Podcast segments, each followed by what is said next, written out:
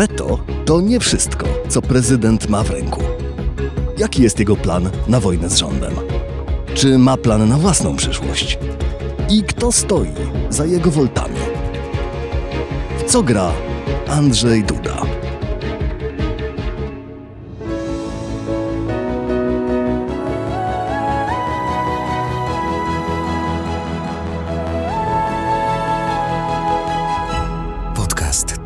Powszechnego. Weź, słuchaj. Dzień dobry ze studia y, Tygodnika Powszechnego przy ulicy Dworskiej 1C. y, Mówi Państwu Michał Kuźmiński. Dzisiaj ze mną w studiu dziennikarze, komentatorzy polityczni Tygodnika Powszechnego. Marek Kęskrawiec. Dzień dobry. Dzień dobry. I Piotr Śmiłowicz. Dzień dobry. Dzień dobry, dzień dobry. W najnowszym e, numerze Tygodnika Powszechnego na okładce prezydent Andrzej Duda i to pytanie, które zadałem na początku, w co gra y, prezydent. Y, Jesteśmy, kiedy to nagrywamy, nagrywamy we wtorek, w takim momencie, kiedy miało dzisiaj nastąpić doprowadzenie do miejsca wykonywania kary Kamińskiego i Wąsika, kiedy odwołane zostało posiedzenie Sejmu. Przesunięte na Przesunięte, tak. Y, Mamy właściwie stan jakiegoś y, nieprawdopodobnego zamieszania i od tego zamieszania chciałem zacząć, bo też o tym zamieszaniu w najnowszym, tym samym wydaniu na jego otwarciu pisze profesor Włodzimierz Wrubel.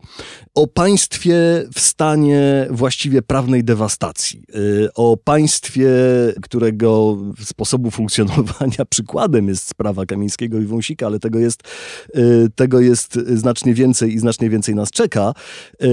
I o y, stanie dewastacji, w którego tworzeniu prezydent Andrzej Duda uczestniczył, prawda? No, uczestniczył, no. co tu dużo mówić. Przyłożył rękę do wielu rzeczy, które obecnie wywołują wojnę polsko-polską, a ostatnim aktem jest to, że uparł się i nie chce po raz drugi ułaskawiać skazanych, bo uważa, że już raz to zrobił. Myślę sobie, że prawdopodobny scenariusz może być taki. Przepraszam, że zaczynam trochę od y, bycia wróżką, ale pomyślmy sobie, że mamy taką sytuację, że pan Kamiński z panem Wąsikiem trafiają do miejsca wykonywania kary, po prostu do więzienia. Kto na tym zyskuje mm, chwilowo? Na pewno PiS, pokazując y, ludzi, którzy byli przed chwilą parlamentarzystami, kreując narrację, że to ludzie walczący z mafiami różnymi, idą teraz siedzieć za nowej władzy. I ja podejrzewam, że mogłoby być przecież tak, że panowie posiedzą tam dzień, dwa i zostaną szybko łaskawieni. Prezydentowi e, nikt tego nie może chyba zabronić, z tego co wiem. nie. Ale no to już wkraczamy y, w taki moment, w którym się zastanawiamy, no dobrze, ale czy prezydentowi chodzi o to, żeby jego ego było nakarmione do końca i, i tylko na końcu powie, no już muszę się cofnąć, bo uczciwie ludzie siedzą w więzieniu. Dla mnie y, to jest jego gra, trochę taka niebezpieczna gra, bo no, sytuacja, w której nie tyle odwoływane, ale przesuwane jest y, posiedzenie Sejmu, to jest jakaś porażka, no trochę państwa jednak, Aha, że musimy pamiętać o tym, że to jest najważniejsze ciało, gdzie de- decyzyjne w Polsce tak naprawdę. I ono z jakiegoś powodu, już abstrahuje od przyczyn, czy powinno być odwołane, czy nie, no ale fakt jest taki, że, że państwo y, w tej sytuacji no jakby się cofa, poddaje się. I zostawia trochę obywateli w takim y, poczuciu, że jest jedna większa armia prawników, która mówi, że prezydent powinien ułaskawić dopiero w momencie prawomocnego skazania. I jest ta mniejsza, która mówi, że w momencie skazania. I czy to ma być skazanie prawomocne, czy nie, to ma mniejsze znaczenie. I ja już nie chcę tutaj y, podejmować tej dyskusji, kto ma rację, bo sądzę, że jednak rację mają ci prawnicy, którzy im bardziej jakby ufam i ich argumentacja wydaje mi się bardziej uzasadniona, że jednak prawomocne skazanie jest dopiero skazaniem. No ale jeżeli ja nie do końca się w tym wszystkim odnajduję, a jednak się tym interesuję na co dzień, co ma powiedzieć, nie powiem zwykły Kowalski, ale nawet człowiek, który się tą sprawą interesuje, ale nie ma czasu na spędzanie całego dnia nad tymi newsami. On widzi, że są ważne dwie grupy prawników i polityków, które powołują się na konstytucję, na różne przepisy, na różne decyzje, a po środku siedzi obywatel polski, który mówi, właśnie były wybory, zmieniła się władza, a mam poczucie, że trochę nie wiem, kto rządzi. W kraju jest jakaś anarchia, Sejm nie do końca funkcjonuje, obrazki są dość przerażające z tego budynku. W czwartek się szykuje spora demonstracja. No i można by powiedzieć, że w centrum Europy mamy demokratyczne państwo, które ma wojnę za granicą wschodnią, a funkcjonujemy w, w jakiejś takiej kompletnie magmowatej, mglistej rzeczywistości. No tak, no czy to się niestety wiąże z, właśnie z osobą prezydenta Andrzeja Dudy, o którym będziemy rozmawiać i o którym napisaliśmy tekst. Bo prezydent Andrzej Duda jest chyba jedyną osobą, która w tym momencie mogłaby troszkę poziom napięcia politycznego obniżyć. Gdyby właśnie wszedł w rolę arbitra, czy strażnika państwa, strażnika konstytucji, a nie rolę uczestnika gry politycznej po jednej ze stron, w tym przypadku po stronie PiSu.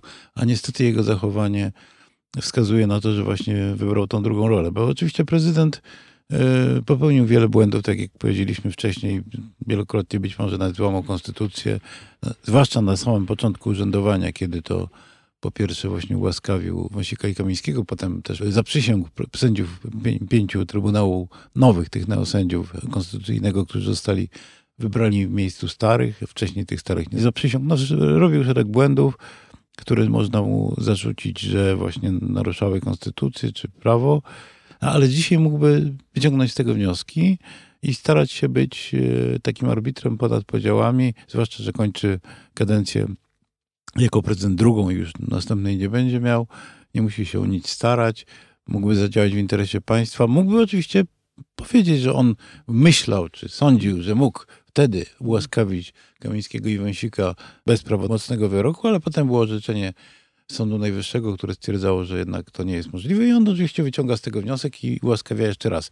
Tym bardziej, że to jest w ogóle inne skazanie niż wtedy. Wtedy oni byli skazani na trzy lata, teraz na dwa lata, także to jest inna procedura karna. Więc jest szereg argumentów, gdyby tylko miał wolę polityczną, żeby w tą rolę wejść, to by mógł to zrealizować. Wtedy myślę, że opozycja też by uznała go za kogoś, kto godnie wypełnia e, ten urząd. Co masz na myśli opozycja, e, Piotrze? No, no y, może nie opozycja, ale masz rację. E, obecnie, obecnie rządzący, obecna koalicja większościowa miała, mogłaby stwierdzić, że on rzeczywiście godnie wypełnia ten urząd, że rzeczywiście popełniał błędy w przeszłości, ale teraz wyciągnął z nich wniosek i jakoś by się zapisał w pamięci też e, szerszego gremium niż tylko wyborcy jednej partii.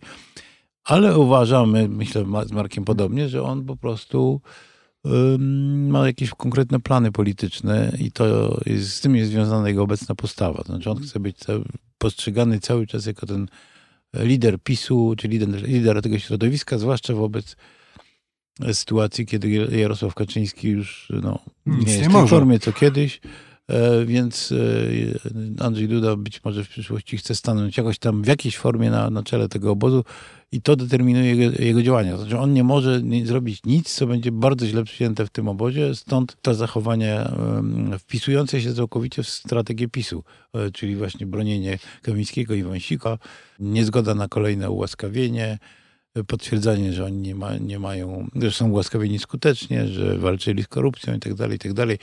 E, powoływanie ich na doradców swoich, e, różne tego rodzaju działania, które, które pokazują, że on jest w 100% za nimi, natomiast nie jest w stanie się wznieść ponad ten podział. To wczorajsze spotkanie z marszałkiem Hołownią oczywiście jakoś było takim lekkim pokazaniem, że on chce jednak rozmawiać, ale też po tym spotkaniu mhm prezydent oświadczył, że on pozostali przy swoich zdaniach, on cały czas swojego zdania nie zmienia.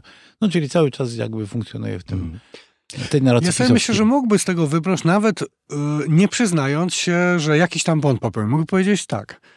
Ja dalej uważam, że mam rację, ale nie mogę pozwolić, żeby niewinni ludzie siedzieli za kratami. W związku z tym, słuchajcie, no, no jest sytuacja jaka jest, jak już tak się uparli, to ułaskawiam jeszcze raz, ale w komentarzu powiedzieć, że, że jednak uważa, że tam to było pełno. No podjąłby tę decyzję i rozładowałby atmosferę, ale rzeczywiście prowadzi grę. Wtedy musiałby pójść na kompromis z poczuciem własnej nieomylności, prawda? No bo y, to jednak jest, on, on, on bardzo po, podkreślał, że to jego ułaskawienie pierwsze było y, podręcznikowe, prawda? Tak, no i, no i tutaj mhm. trochę schodzimy w stronę psychologii, ja tego bardzo nie lubię, psychologizować, y, analizować pod, pod tym względem polityków, ale trochę mam wrażenie, że się jak dziecko zachowuje.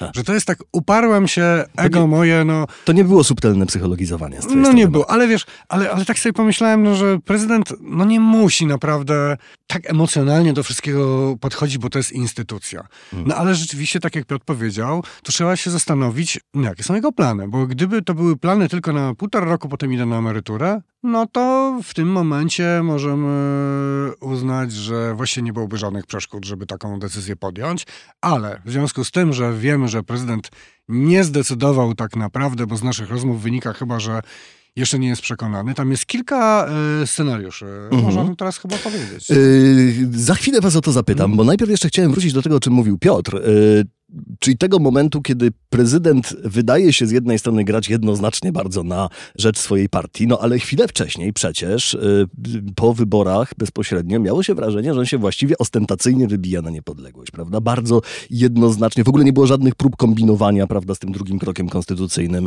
z kwestią wyboru premiera. Jednoznacznie In y, było in vitro, prawda? Y, Szereg takich rzeczy, a potem nagle Benz, y, tak jakby sobie nagle przypominał o zobowiązaniach wobec Nowogrodzkiej.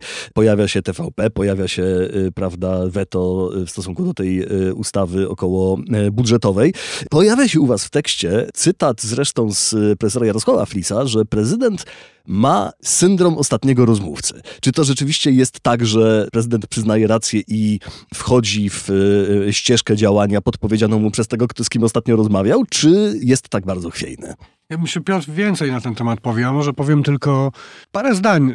Nie możemy abstrahować, że jednak prezydent jest, ma poglądy tego środowiska, więc to, że on wygłasza poglądy takie jak PiS, to też nie, jest, nie powinno nas specjalnie dziwić, bo my mówimy, no powinien być strażnikiem konstytucji, prezydentem wszystkich Polaków, no ale każdy z prezydentów miał jakieś poglądy, pochodził z jakiejś grupy lewicowej czy prawicowej, no i trudno się dziwić, że pewne idee wyznaje. No ale oczywiście wiemy, że to jest dość mocno wtórne. Po honorariach z TVP wiemy, że, że nie wszystko, co było takie moim zdaniem szczere ideologicznie, to się okazuje, że to była ideologia trochę za pieniądze. No jedno No, drugiego nie wyklucza. Nie, jedno drugiego nie wyklucza, oczywiście. Znaczy, Myślę, że pan profesor Flis ma rację, ponieważ myśmy zauważyli może nie tyle, że ostatni rozmówca w sensie fizycznym, bo to jest oczywiście figura retoryczna, ale tam, Piotrze, no chyba potwierdzisz, było tyle osób, które na niego miały wpływ. On tak różne decyzje podejmował, to towarzystwo tak się zmieniało, że mówienie w sumie o jakiejś spójnej polityce pałacu przez te 8,5 roku chyba nie można. Tak, no oczywiście. To tutaj, jak się obserwuje, to już prawie 8 lat prezydentury, czy Osiem i nawet pół. ponad 8 lat. Andrzeja Dudy, to widać takie meandry różne, nie, niejasne i skręty. I właściwie nie można y, wskazać jakiejś jednej wspólnej linii. To znaczy, może jest wspólna linia, to jest jednak jakieś poparcie dla linii PiSu, czy dla rządów PiSu, natomiast bywały sytuacje, kiedy on właśnie się buntował. Mhm. Tylko to był taki błąd pokazujący pewną przypadkowość. Właśnie ten wpływ jakiegoś ostatniego rozmówcy przysłowiowego. Tak najbardziej chyba to widać w przypadku ustaw sądowych, właśnie tych, które są między innymi dzisiaj przyczyną tych obecnych problemów. To znaczy on w, lecie 2017 roku zawetował te ustawy. To była kluczowa taka reforma rządu PiSu i Zbigniewa Ziobry. Podobno mm, ulegał po pierwsze wpływom jakiegoś środowiska tutaj właśnie z Krakowa, które z nim, ze sobą z nim związanego. Poza tym podobny pogląd przedstawiła mu Zofia Romaszewska, jego dor- doradczyni ówczesna. E, No i on pod tym wpływem te ustawy zawetował, ale potem się okazało, że po kilku spotkaniach z Jarosławem Kaczyńskim właściwie zgodził się, żeby te e, same ustawy w swojej wersji, czy sam, sam przesłał ustawy, które były właściwie tożsame prawie z, prawie z tymi zawetowanymi. Bo Jarosław Kaczyński się kilka razy z nim spotkał i e, taki rozumiem przekonał go skutecznie do tego, żeby zmienił zdanie. Także takich sytuacji było kilka.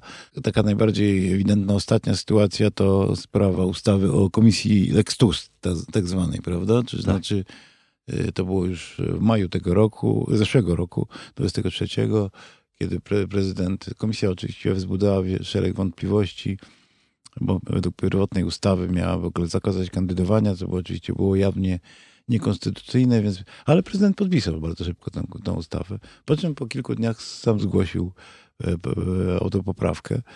Także. Szum się zrobił w Polsce, przyszli do niego różni ostatni Tak, rozmówcy. tak. No więc y, Mhm. to pokazuje prawdopodobnie, że musiał, że był w pewnym momencie pod jakimś tam wpływem. Mówiło się o tym, że nieformalnie, że, chodzi, że mu PiS zagroził, że mu nie, na listy jego, jego współpracowników nie włoży w ten sposób, jeżeli on zawetuje. No ale w gruncie rzeczy weto byłoby politycznie dla, z jego punktu widzenia lepsze, bo, bo, bo, pokazałby właśnie, że jest przeciwko, ale zarazem mógłby tą samą mm, swoją propozycję ustawową też przesłać tylko po wecie na przykład, tak? I wtedy by inaczej to rozegrał. Ale tu Mhm. widać było, że to był taki, taka jakaś sytuacja, że, że on co chwilę zmieniał zdanie w tej sprawie. Tak wyglądało to z zewnątrz. A z kolei to zachowania takie dziecinne troszkę, czy, czy ambicjonalne przesadnie, y, to widać było przy ustawie o mm, Sądzie Najwyższym właśnie, która została uchwalona w y, styczniu y, zeszłego roku. To była taka sekwencja, że jak wiadomo Polska nie uzyskiwała środków z KPO, ponieważ były wyroki TSUE związane z tym, że ten, ta reforma wymiaru sprawiedliwości była przez in- instytucje unijne nieakceptowana.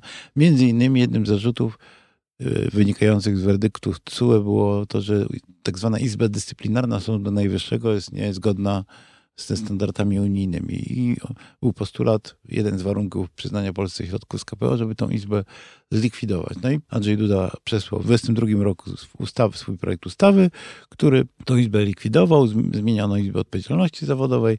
Tam wprowadził taką instytucję tak zwanego testu niezawisłości sędziowskiej, która miała gwarantować właśnie sytuację, kiedy ci tak zwani neosędziowie działają, żeby można było ich w razie czego odwołać, nie, czy na, na życzenie Mhm. strony. E, także generalnie szło to w dobrym kierunku. To zostało troszkę zepsute w wyniku poprawek Solidarnej Polski ówczesnej, czyli z obry- ziobrystów, ta ustawa i w efekcie Komisja Europejska nie uznała jej za podstawę do wypłacenia Polski z KPO. I potem po- była kolejna tura rozmów, w, w, w, wyniku której e, rząd Morawieckiego uz, ustalił z Komisją Europejską, że teraz będzie ten tryb e, dyscyplinowania sędziów, będzie się nim zajmować Naczelny Sąd Administracyjny. To swoją drogą rzeczywiście budziło wątpliwości konstytucyjne. No i ta ustawa została uchwalona, ale prezydent obrażony, że- jego ustawa nie została uznana przez Komisję Europejską, że nie została, nie przyniosła tych środków z KPO, odesłał tą ustawę właśnie do Trybunału Oszukała Konstytucyjnego, który zresztą Trybunał przez cały rok prawie się tym nie zajmował, bo był skłócony. Dopiero się zajął teraz, jak y, powstawał nowy rząd Tuska. Także, także uznając za, ją za niezgodną z konstytucją. Także to wszystko tak, to razem pokazuje ten cały Chwiejność, e, jakby wybija się z tej chwiejności może Lex TVN, gdzie tak, gdzie to było dość szokujące No dla tak, Kaczyńskiego, tak, że tak, tak. Osto, Lex Czarnek trochę może też, to wpływem może bardziej żony też, no co nie jest nic złym oczywiście, jest to No, ale w przypadku Lex TVN chyba rzeczywiście tym ostatnim rozmówcą byli Amerykanie. Zapewne tak I, i to jest w ogóle chyba, warto tu o tym powiedzieć, że tak jak na polu krajowym Andrzej Duda, no nie powiem słoniak w składzie porcelany, no bo to niewiele znaczy, ale no, no niezbyt się potrafił rozglądać wokół siebie, żeby czegoś nie strącać ze stołów.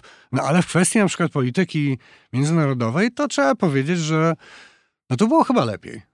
Bo do tego tekstu rozmawialiśmy y, z autorem książki Polska na wojnie, dziennikarzem Dziennika Gazety Prawnej Zbigniewem Parafianowiczem. On napisał y, bardzo ciekawe dzieło pokazujące naszą politykę wobec Ukrainy w ostatnim czasie, od czasu wybuchu tej pełnoskalowej wojny. No i rzeczywiście my, patrząc na, patrząc na Andrzeja Dudę, czasami widząc go trochę w roli tego Adriana Zucha, prezesa takiego przyklejonego, który czasem się zbuntuje, ale generalnie to niewiele ma swoich poglądów, to jednak sytuacja jakby ukraińska mówi nam, że było trochę inaczej. Bo Mhm. mamy Andrzeja Dudę, który w pierwszych dobach e, po ataku Rosjan obdzwania stolice europejskie z taką świadomą myślą, pomagajmy Ukrainie, zanim się wywróci. Wtedy nie ma wielkich chętnych w Berlinie czy w Paryżu, żeby pomagać Ukraińcom. Przecież cały wiemy- Zachód był przekonany, że Nord Stream to przecież tak. było zbudowane po to, że jak już zbudujemy Nord Stream, to wtedy będzie można najechać Ukrainę, bo nie będą nam potrzebne Mhm. gazociągi na lądzie. To jest bardzo uproszczone, no ale trochę tak to było. Mhm. No i mamy tego Dudę, który ostro działa na gruncie ukraińskim. Na przykład Zbigniew Parafianowicz, którego nie mogę posądzać o tym, że jest jakimś prorząd- prorządowym, propisowskim dziennikarzem, mówi, że tutaj Duda nie popełniał błędów. Że nawet mam, ja na przykład mam takie wrażenie, że polscy dziennikarze czasami w tym sporze o, o zboże stawali niestety y, po stronie ukraińskiej, a nie po stronie polskiej, dlatego, że rządzi PiS. Mhm. A jak się tak popatrzy od środka w tę historię, to trzeba przyznać, że no, Ukraińcy są państwem na wojnie, mm, trochę darwinistyczną muszą politykę prowadzić i oni wzięli wszystko od nas, co mogli wziąć na początku. Potem już im niewiele mogliśmy dać. Byliśmy skłóceni z Brukselą, z Niemcami, z Francją, więc Ukraińcy trochę no, poszli w, do tych, którzy więcej mogą. Zapomniawszy to, że e, kanclerz Scholz najchętniej na początku by ich utopił w szklance wody, tak Mhm. naprawdę całą Ukrainę. Mhm. Natomiast tu jakby trzeba powiedzieć, że tutaj pewnie się wykazała pewna, e, pewien rodzaj dojrzałości Dudy, który nie chciał być asystentem jeżdżącym za Załęskim i w pewnym momencie się trochę od niego odciął. Mhm. Tylko, że znowu, pomyślmy o tym inaczej. Czy to wynika z tego, że on jest mężem stanu, czy z tego, że się obraża? Ha. I tu jest właśnie ten problem, że cały czas u prezydenta te cechy charakteru jakieś takie, nie, nie, nie chcę powiedzieć niedojrzałe, ale że jest problem z tym, że on jest taki trochę za bardzo emocjonalny i to musi postawić na swoim. A nie wiem, czy tak powinien funkcjonować prezydent. Podoba Ci się nasz podcast? Dołącz do patronów i patronek podcastu Tygodnika Powszechnego na patronite.pl. Porozmawiajmy trochę o szansach czy liniach potencjalnego kompromisu, czy potencjalnych z drugiej strony zmagań z rządem, no bo to y, słowo magiczne, słowo kohabitacja to jest to, co będzie rządziło naszym życiem politycznym przez najbliższe dwa lata i nie będzie to kohabitacja bynajmniej łagodna. I tak się zastanawiam na y, początek w tym kontekście pojawił się taki temat, y, jakoby prezydent Duda miał zaproponować rządowi taki podział ról, że on się będzie zajmował y, polityką związaną z NATO i ze Stanami Zjednoczonymi, zostawiając rządowi e, politykę europejską. Y, No z drugiej strony, jak wiadomo, przed wyborami zostały wprowadzone pewne zmiany prawne, które sprawiają, że to jednak prezydent będzie miał bardzo ścisły e, wpływ na to, jak będzie polityka europejska w kwestii kadrowej, personalnej wyglądała. Jak wy to widzicie? Taka była że tradycja nawet w czasach rządów PiSu, że prezydent zajmuje się kwestiami natowskimi oraz e, e, kwestiami ONZ.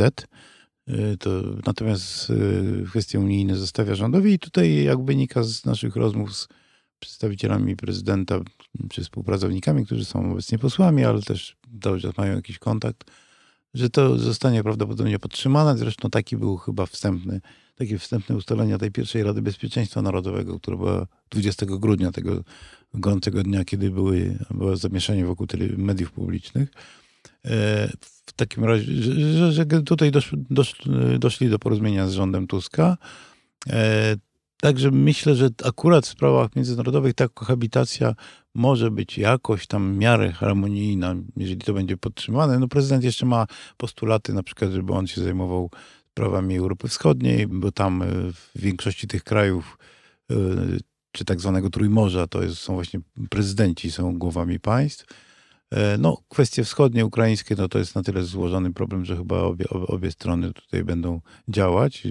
Natomiast co do Unii Europejskiej i tego, co, to, co mówisz, to znaczy ustawy, która została teraz tak zwana kompetencyjna, nowa unijna uchwalona, ona dotyczy naszej prezydencji w Unii Europejskiej, która będzie w pierwszej połowie 2025 roku, czyli same, na samej końcówce urzędowania prezydenta Dudy. I właśnie w tym okresie prezydent, zgodnie z tą ustawą, będzie miał prawo po pierwsze na e, wyrażania zdania w sprawie obsady personalnej e, różnych instytucji unijnych, będzie miał prawo opiniowania strategii prezydencji Polski, no i też będzie mógł jeździć na szczyty unijne, jeżeli wyrazi taką wolę. E, Także tutaj rzeczywiście może być jakieś, jakieś napięcie, bo politycy obecnej większości bardzo negatywnie o tym projekcie ustawy się wypowiadali, jak on jeszcze był projektem, potem jak zostało uchwalone.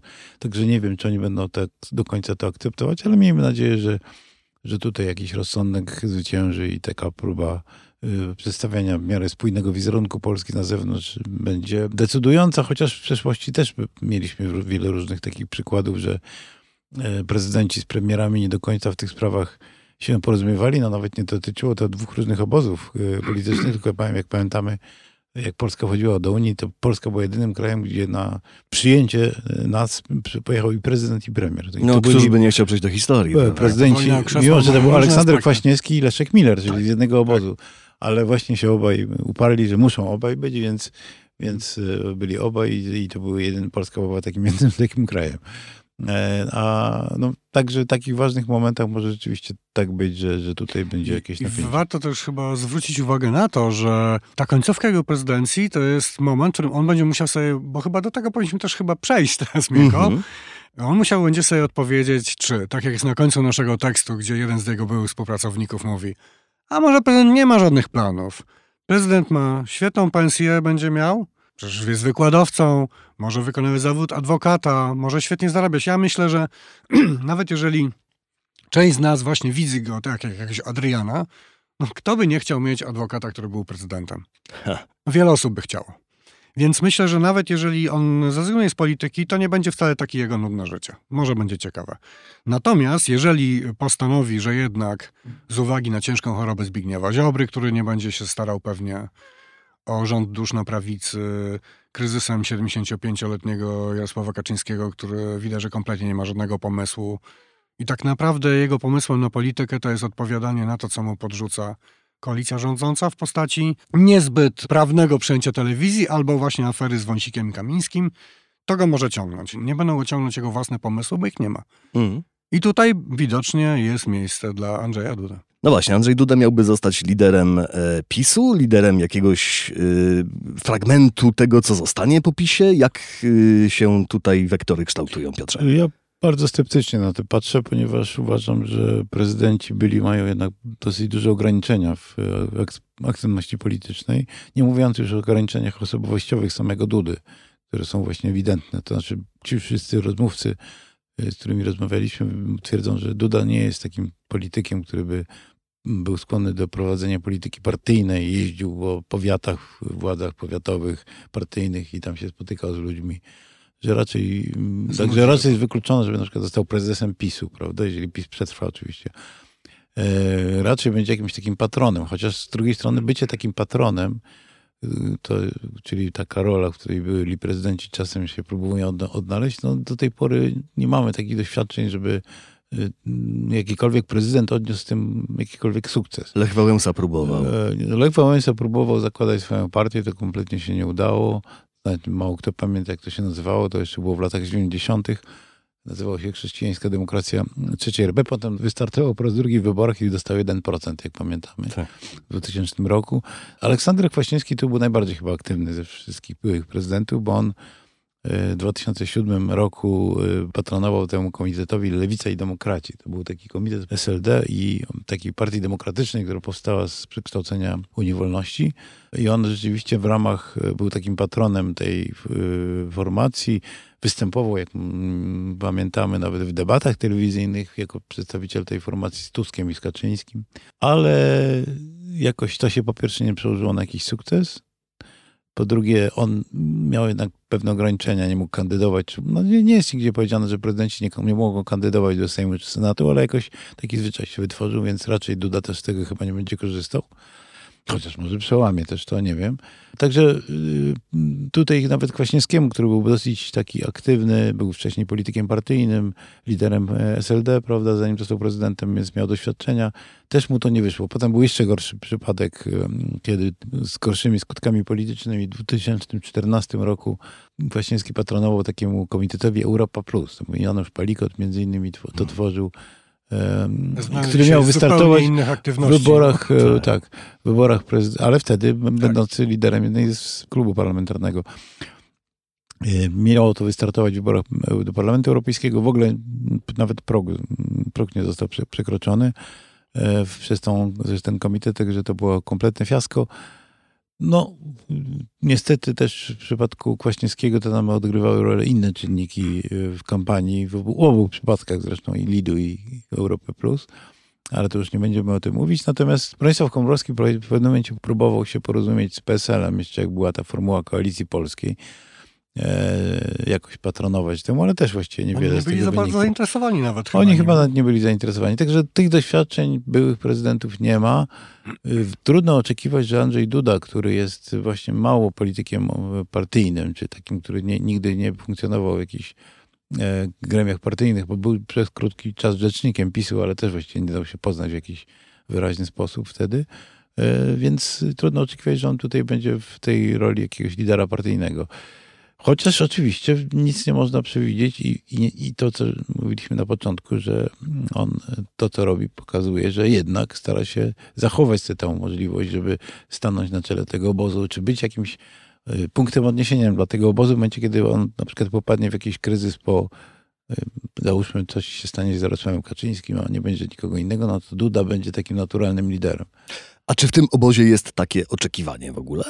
Ja myślę, że mm, częściowo musi być, ponieważ y, wszyscy widzą, że Jarosław Kaczyński no, trochę się nam odkleił, że jego argumenty trafiają już naprawdę tylko do bardzo twardego elektoratu, często starszego, czyli demograficznie odpływającego. No i mamy taką sytuację, że Duda jest jedynym ośrodkiem na prawicy, który ma coś konkretnego w ręce władzę. Nie może rozdawać stanowisk, jak Kaczyński mógł wcześniej, no ale ma konkretną władzę.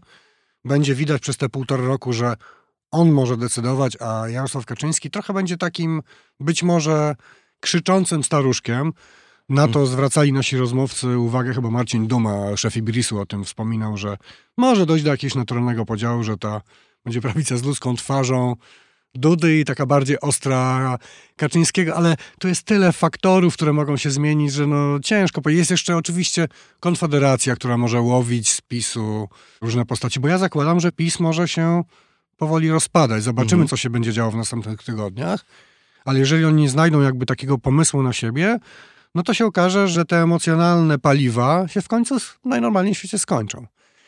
I myślę, że jest jakaś nadzieja, że Duda mógłby to poukładać, ale z drugiej strony pomyślmy sobie o czymś takim. No, mówiłeś parę zdań takich, z których ja wyciągnąłem wniosek, że on ma słabą rękę do tych współpracowników. Jak się spojrzy, to też ci współpracownicy nigdy na niego długofalowo chyba nie stawiali. Dwaj najbliżsi, to nawet już nawet nie ma sensu nazwisk przypominać, bo to są bardzo anonimowe postacie. Mhm. Jeden y, wylądował w Pekinie, na, jako ambasador, świetna posada, drugi najważniejszy kraj na ziemi. Drugi w Rumunii to już trochę gorzej. Trzech poszło do Sejmu. Z całym szacunkiem oczywiście. Tak, no trzech poszło do, do Sejmu. Rzecznik prasowy nie funkcjonuje od lat. Marek Magierowski poszedł w dyplomację. Potem jeszcze było dwóch panów. Krzysztof Szczerski jeszcze. Tak, ostatni prawda? był w 21 roku. Krzysztof Szczerski uciekł do ONZ-u. Tam mówiono, że może coś załatwi Dudzie, no ale no nie załatwi nic tam Andrzejowi Dudzie.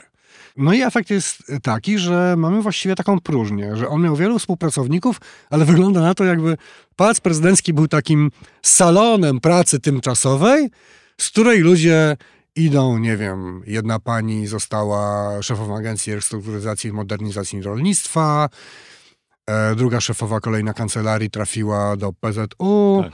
No i, no. I to bynajmniej nie buduje siły politycznej środowiska. również y, środowiska wokół prezydenta, prezydenta jako instytucji, prawda? No to raz, nie buduje siły prezydenta, ale też pokazuje pewien mechanizm e, bardzo ważny w polityce, to znaczy umiejętność budowania swojego zaplecza politycznego, czy wiernych sobie ludzi mm. i lojalnych. Także Duda chyba tej cechy w ogóle nie ma, co, powiedział Marek, to pokazuje, że ci jego współpracownicy... Wtrącę tylko jedno. Zbigniew Ziobro jest przeciwieństwem tego, nie? Tak, Zbigniew Ziobro, Zbigniew Ziobro jest przeciwieństwem. E, ludzie Ziobry byli mu wierni cały czas do tej pory, mimo pewnych różnych pokus ze strony PiSu, które wiadomo, że chciało wyciągać różnych ludzi. E, nawet Jarosław Gowin, który był drugim skrzydłem tego, tej, tej koalicji, już miał większą taką zdolność do, e, do gromadzenia wokół siebie ludzi, chociaż tutaj jemu się nie udało utrzymać, bo ci jego ludzie bardziej e, poszli na lepsze tych, tych propozycji PiSu, który, który też w pewnym momencie chciał to środowisko rozbić. Natomiast Andrzej Duda zupełnie tego nie ma. To zresztą pokazuje też takie różne sytuacje, w których, których on mógłby się zachować jakoś tam lojalnie wobec jakichś ludzi, od których e, niewiele w tej chwili oczywiście może uzyskać, ale może w przyszłości to się e, okazać, że, że coś się takiego przyda, taka lojalność. Tak przynajmniej działają w większości politycy, którzy sobie budują właśnie w ten sposób własne zaplecze. Ja znam taki przypadek, który on akurat do tekstu nie wszedł, ale że taka jedna z dziennikarek przygotowała taką książkę w ogóle o podróżach z prezydentem no i bardzo liczyła, żeby on się pojawił na promocji, po to robiła pod jego różny, jeden, jego kalendarz, a jeżeli nawet nie on, to żeby ktoś z jego, ważny z jego zaplecza się pojawił. No oczywiście, mówiąc nieładnie, prezydent jego zaplecze to, no, nie chcę powiedzieć. Zignorował. Zignorowało. Mhm. E, e, więc to też pokazuje pewne, pewnego rodzaju mechanizm, e, w którym Duda działa, że nie ma takiego zmysłu budowania swoich wiernych, e, wiernego zaplecza. To nie wszystko, co dla Ciebie mamy. Dużo więcej czeka na Ciebie w każdym wydaniu Tygodnika Powszechnego. Kup na stronie tygodnikpowszechny.pl lub w kiosku. Marcin Mastalerek, człowiek, który śmiał wypomnieć prezesowi Kaczyńskiemu, e, że może już czas na emeryturę, nie jest jakąś zapowiedzią zmiany tego braku zaplecza? Być może jest, chociaż nie wiem, czy to nie jest kwestia też takiego chwilowego zauroczenia ze strony prezydenta, bo prezydent jednak ma taką cechę, to też wielu rozmówców podkreśla, że lubi się oprzeć na jakimś kimś, kto ma dla niego jakiś w jakiejś dziedzinie autorytet. No właśnie stąd, stąd ta, ta, ta uległość Jarosławowi Kaczyńskiemu i jego różnym wizjom prawniczym na samym początku urzędowania. E, z kolei mm, Marcin Mastalerek ma, jest znanym takim e, fajterem politycznym. Ma cechę, którego, której raczej chyba nie ma Duda. No i w związku z tym Duda jest w stanie oprzeć się na nim jako na takim strategu e, najbliższych działań politycznych i być może właśnie Mastalerek przed nim kreuje ten obraz Dudy jako kogoś, kto będzie liderem tej całej formacji politycznej po PiSie. Mastalerek ma, ma oczywiście swoją tutaj e, grę do ugrania, bo jest, e, jak słusznie zwróciłeś uwagę, skłócony z Jarosławem Kaczyńskim. Jego nominacja na szefa gabinetu była wyraźnym gestem pewnego rodzaju niezależności Dudy od PiSu i od Nowogrodzkiej, zwłaszcza od Jarosława Kaczyńskiego. Wcześniej Dan Salerek był zresztą doradcą Dudy społecznym wyłącznie od, mhm. od czasów, kiedy, kiedy przestał być e, politykiem PiSu.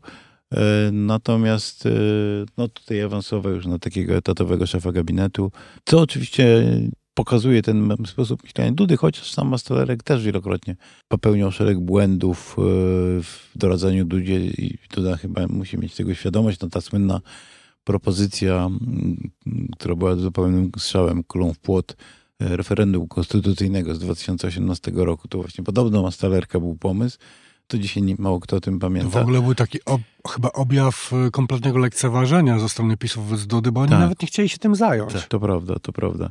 E, no Mastalerek widać, że ma dosyć wolną rękę, jeśli chodzi o występy medialne, bo występuje często, mówi to, co chce, mówi czasem bardzo wyraziste rzeczy, czy występuje, czy pisze na Twitterze na przykład bardzo jednoznacznie, mimo że jest bardzo mocno w tej chwili kojarzony z prezydentem, właściwie jego stanowisko to już jest utożsamiane z tym, co to sądzi Duda, ale widać, że ma, ma, ma wolną rękę. To też trochę pokazuje, że Duda mu ufa, prawda? I stawia Ale z drugiej strony też pokazuje, że Andrzej Duda potrzebuje, y, no nie powiem pitbulla, bo to w tej roli Masalek nie występuje, ale takiego ostrego fightera, bo sam, no ja rozumiem, że jako prezydent nie powinien się wdawać w takie przepychanki, ale się w nie wdawał nieraz. Hmm.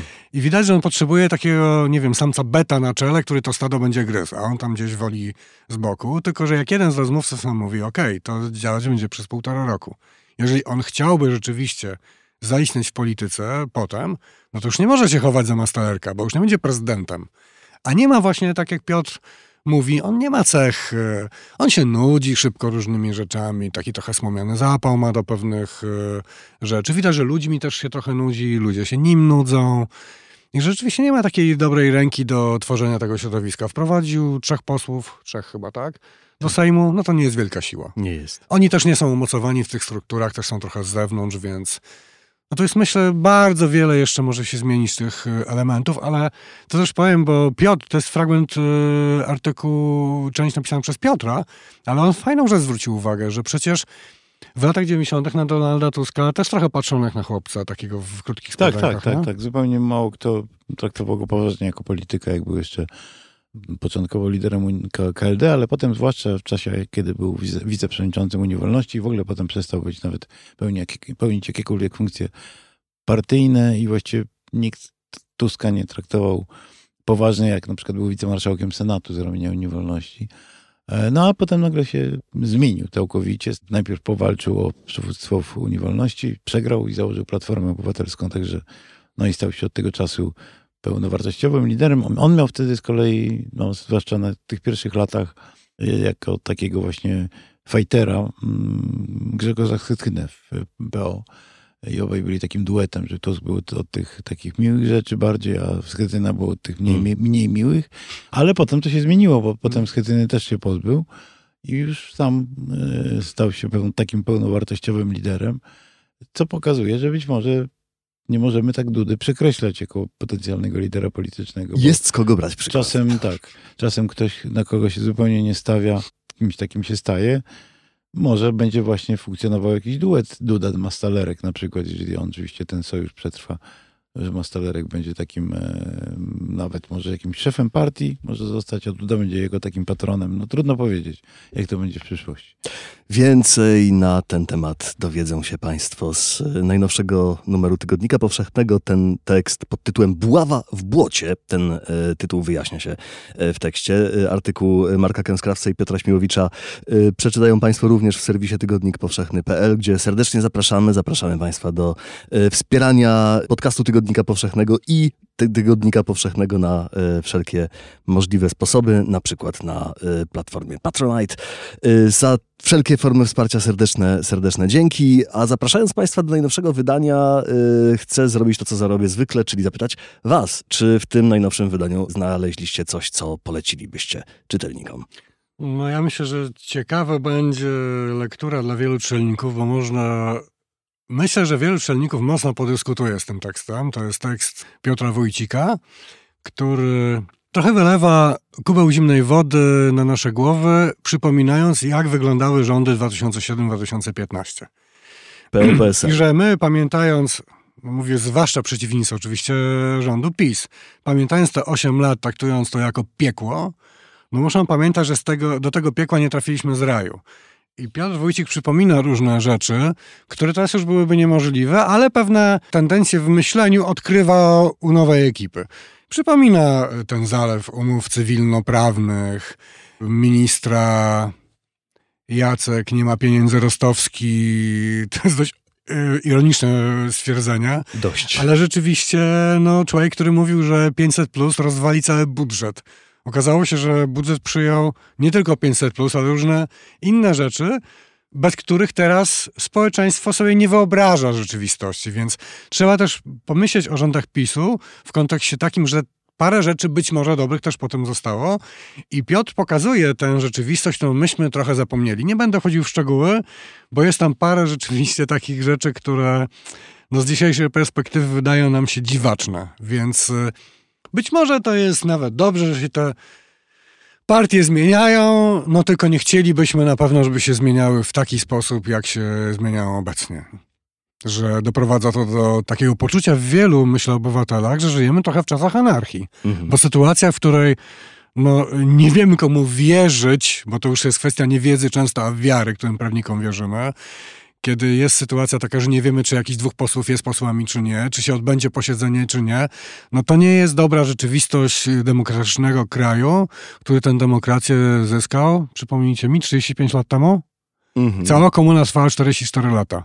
My musimy pamiętać, że myśmy już z tego komunizmu bardzo dawno temu wyszli, że już się nie powinniśmy w ogóle do niego odnosić, tylko obserwować naszą napiętą rzeczywistość, że naprawdę coś musimy z tym sensownego zrobić, bo my się staczamy w dół. Piotr. Tak, no najgorsze, najsmutniejsze jest to, że nie ma woli, żeby tą sprawę jakoś rozstrzygnąć, e, e, bo widocznie oba, oba obozy starają się wyzyskać politycznie maksymalnie ten, e, ten konflikt. Marszałek Hołownia stara się może coś robić, meandrować między tymi dwoma skrajnościami, ale też napotyka na różnego rodzaju pro- problemy z tym związane. E, Wydaje mi się, że no w tej sprawie em, znanej wszystkim Wąsika i Kamińskiego, no to trzeba by też znaleźć jakiś sposób rozstrzygnięcia y, wobec na przykład y, dwóch izb, które się nie mogą porozumieć Sądu Najwyższego i jedna być może wyda inny werdykt, a druga inny. To jest też już samo, samo w sobie ku- kuriozum.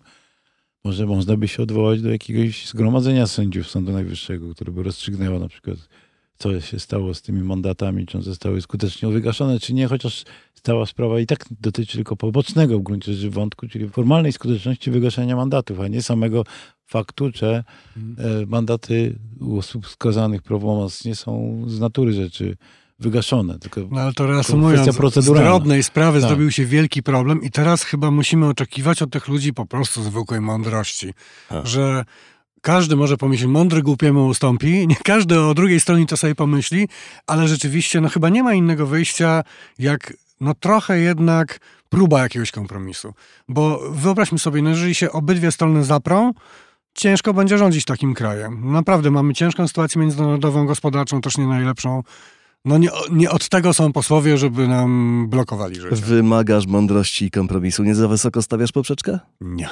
Amen. Szanowni Państwo, zapraszamy również do serwisu Tygodnik Powszechny.pl, gdzie te gorące dni polityczne będziemy na bieżąco komentować, a gośćmi podcastu Tygodnika Powszechnego dzisiaj byli Marek Kęskrawiec i Piotr Śmiłowicz. Dziękuję, Dziękuję bardzo. bardzo. Do usłyszenia już za tydzień. Dziękujemy za wysłuchanie podcastu. Poznaj też moc czytania na tygodnikpowszechny.pl. Czytaj i rośnij z nami.